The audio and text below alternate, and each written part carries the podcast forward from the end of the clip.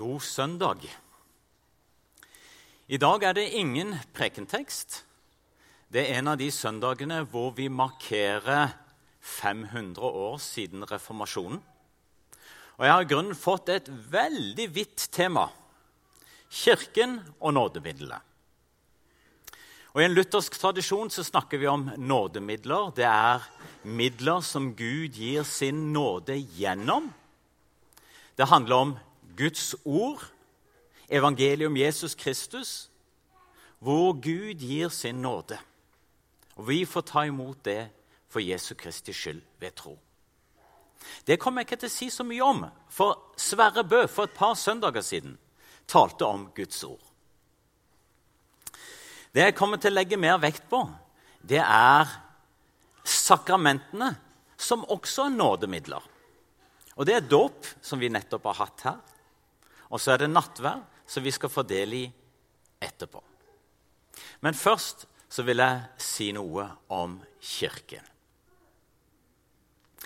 Vi står i en historisk kontekst i misjonssalen i Norsk Luthersk Misjonssamband, hvor vi eh, tidligere Vår identitet på mange måter var en bedehustradisjon som et supplement til Den norske kirke, til Kirken.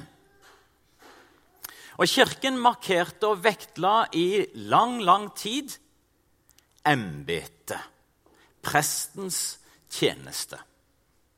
I bedehustradisjonen og i Norsk Luthersk Misjonssamband og Misjonssal så har vi vektlagt nådegavene og det allmenne prestedømmet. Det allmenne prestedømmet som vi kan lese om i 1. Peters kapittel 2, det handler om at alle troende er prester innenfor Gud. Og Det vil si at vi har en fri adgang til Gud. Vi trenger ikke en prest for å kunne be til Gud, for å lese og høre Guds ord. Vi har en fri adgang til Gud. Og så vektla han nådegavene.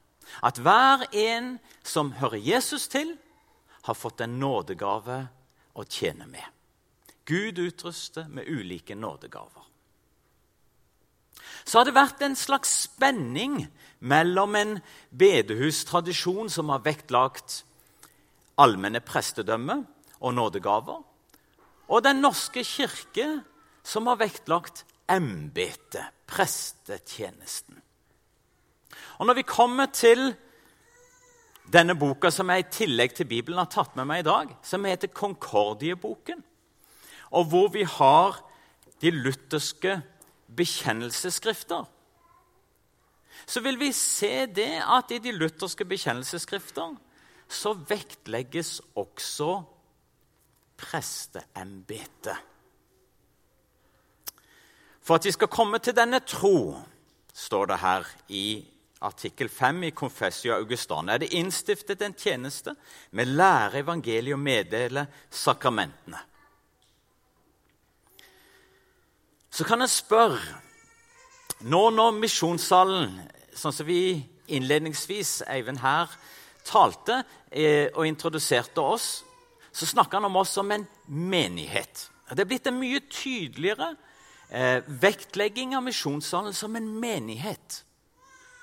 Hva innebærer da en slik kan du si, en, en delvis tydeligere vektlegging av det å være en menighet, ikke som en tidligere snakket om som en forsamling, som et misjonsfellesskap, som eh, et sted hvor eh, En forsamling av de hellige.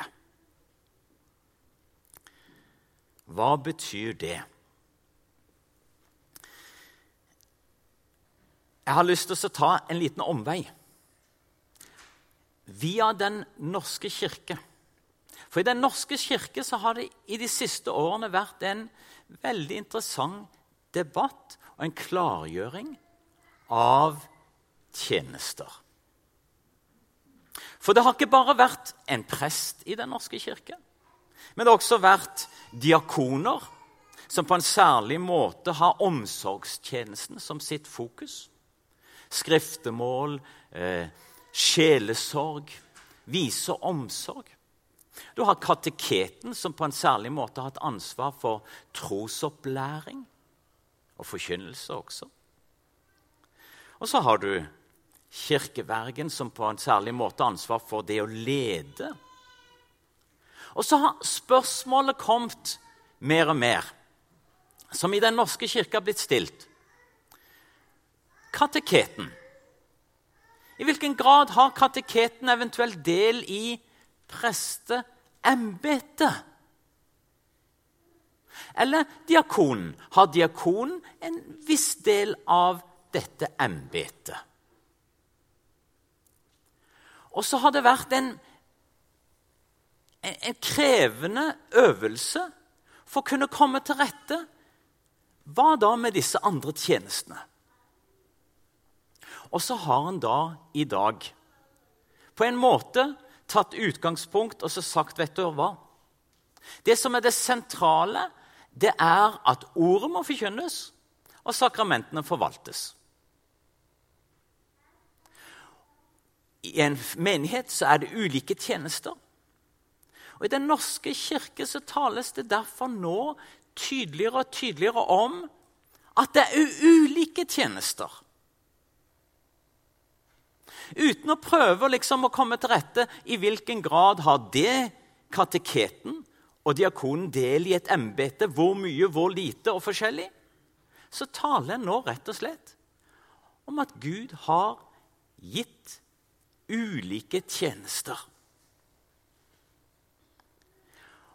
Og på mange måter så erkjenner da Den norske kirke at vet dere hva?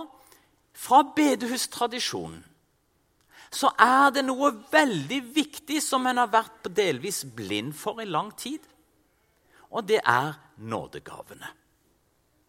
Det fins en rekke nådegaver. Det er ikke bare én som har et så spesielt embete at de andre nærmest ikke blir noe særlig viktig. Og det fins ulike tjenester som kan være med og ha ansvar få lære evangeliet.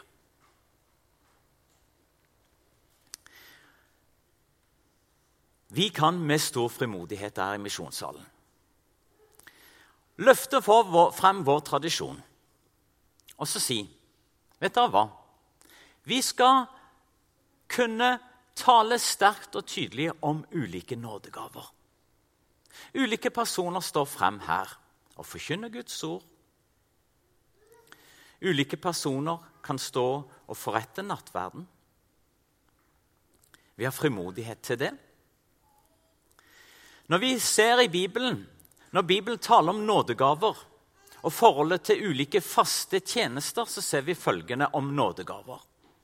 At Bibelen i 1.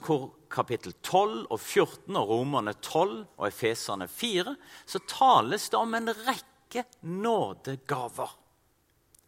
Og Det som er interessant, det er at vi skal merke oss at disse nådegavene de kan vi på en måte gruppere i tre områder. Det er ulike gaver som handler om å formidle Guds ord. Lærere, evangelister, rettledere, hyrder, salme, hymner. Det går på å formidle dette nådesordet som Gud vil at mennesker skal høre til frelse.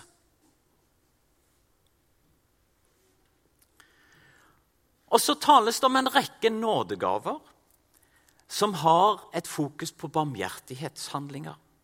Hjelpetjenester, helbredelse, diakontjeneste, det å gi og gjøre barmhjertighet.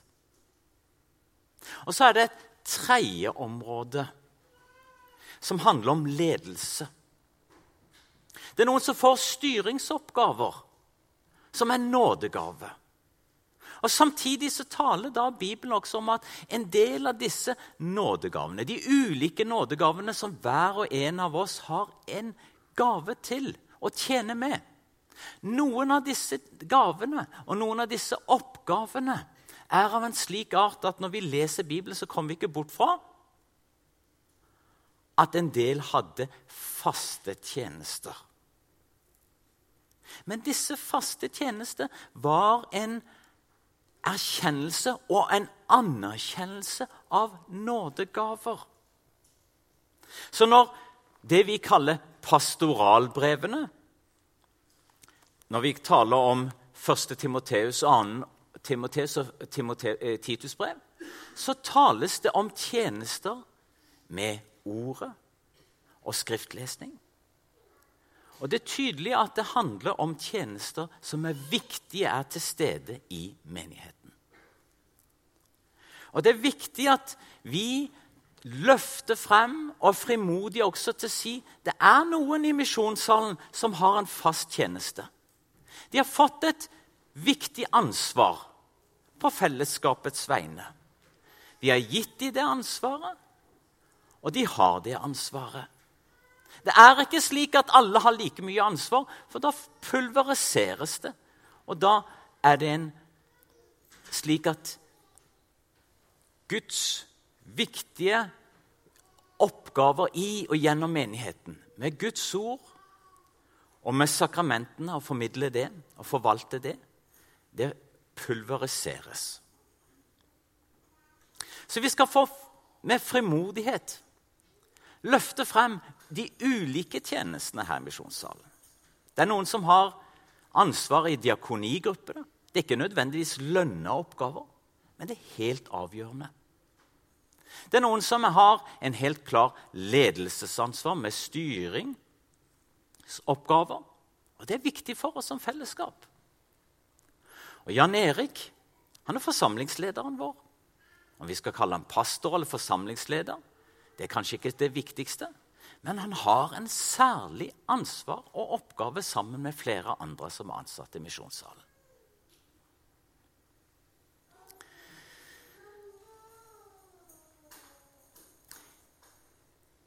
I vår lutherske bekjennelse så sier vi også at det alltid vil forbli én hellig kirke. Vi skal nå dele nattverd sammen etterpå. Vi inviteres til å ta del, alle som er glad i Jesus, som trenger Jesus, som tror på han.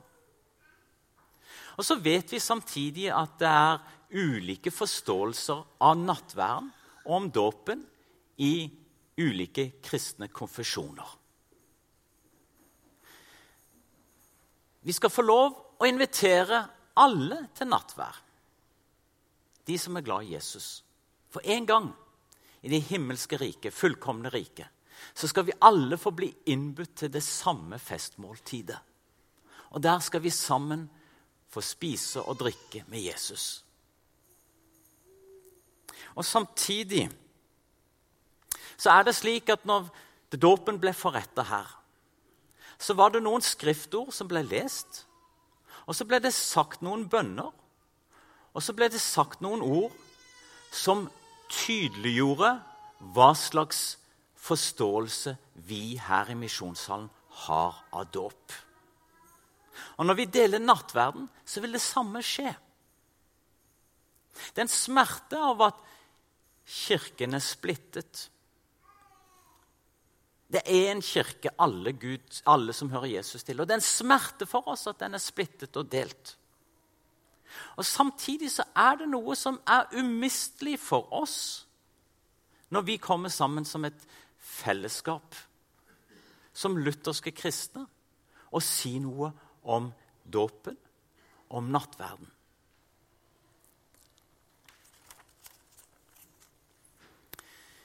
I en luthersk dåps- og nattverdforståelse, så er det slik at det viktigste det er at vi tror at det er Gud som handler. Det er Gud som bøyer seg ned og handler i dåpen, og Gud som Jesus som er til stede i nattverden. Det er andre kristne pinsevenner, baptister og andre, som tenker at dåp og nattverd først og fremst er eh, noe den kristne bekjenner. At den er døpt til Jesus og hører han til. Og at i nattverden så minnes vi først og fremst at Jesus døde for oss. Og Det er en måte å tenke om dåp og nattverd på. Det kan symboliseres på at den troende i sin tro strekker seg opp til Gud og har fellesskap med ham gjennom troen. Og bekjenner sin tro for alle andre. Vi som har en luthersk forståelse, vi vil først og fremst si vet du hva? Det er Gud, det er Jesus, som bøyer seg ned til oss og handler. Har det da noe å si? Jeg er onkel til et lite barn som heter Thea. Foreldrene visste at da hun lå i mors mage, så var det så alvorlig skada at det ikke ville kunne leve opp. Men de bar barnet frem. Barnet ble født på Rikshospitalet her i Oslo. Og Foreldrene visste at dette barnet ville ikke kunne leve. De hadde kalt til seg en som kunne, en pastorprest til å forrette dåp. Hvorfor var det viktig for dem? Jo, fordi de fikk da lagt det barnet i Jesu hender.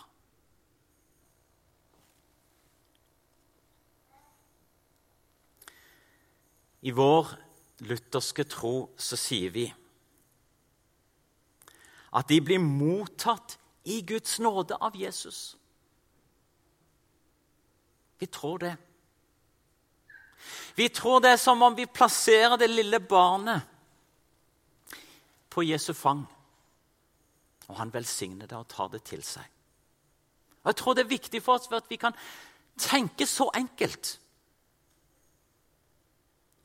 Og så er det at Jesus med lille Thea som ikke hadde livets kraft i seg, så så Jesus det barnet og vedkjente seg det som sitt skaperverk. Som han tok på sitt fang, og som foreldrene fikk tro. Og fremdeles får tro Jesus tok det. Og for Jesus var lille Thea, som betyr Guds gave, like viktig som de andre barna dette foreldreparet har fått. Nå skal vi snart fordele nattvær. Og igjen så skal vi få tro og komme frem og høre ordene det forrettes her. At det først og fremst er Jesus som kommer til oss og gir seg selv til oss. Det er Jesus som stiger ned og berører oss med sin nåde og du som kommer her og så trenger syndenes forlatelse, som trenger å bli berørt av Jesus, så skal du få lov til å hvile i det at det er Gud som kommer til deg. I første kor, kapittel 10, så sammenligner Paulus dåpen og nattverden med Guds store frelseshandlinger i Det gamle testamentet. Og Det er litt viktig for meg å si. Fordi det sier noe om at det først og fremst er Gud som handler. For der sammenligner Paulus dåpen med hvordan Gud førte israelsfolket ut av Egypt under skyen, som leda de ut, og gjennom havet. Og det var Guds frelseshandling. Og så taler Paulus om det på en sånn måte at det fargelegges av den kristne dåpsforståelse, for han taler om at Israel ble døpt til Moses under skyen og i havet. Dåpen sammenlignes med Guds store frelseshandling. Det er Gud som griper inn og gjør noe, og gir sin nåde. Og Sånn sammenlignes også nattverden. Og Paulus taler da om åndelig mat og åndelig drikke. Og Hva sammenligner Paulus det med i Det gamle testamentet? Jo, han sammenligner det med manna som Gud ga i ørkenen. Når de ikke hadde mat, når livet var slik at det ville gå til grunne, så sendte Gud manna for at de skulle kunne leve. Og så lot Gud det komme vann av en klippe der det var ørken. Livgivende vann. Gud handla til frelse. Og Gud vil igjen styrke oss med sitt måltid her i dag. Nattverden. Det er Herrens måltid. Han er til stede. Han gir sine gaver til deg og meg. Amen.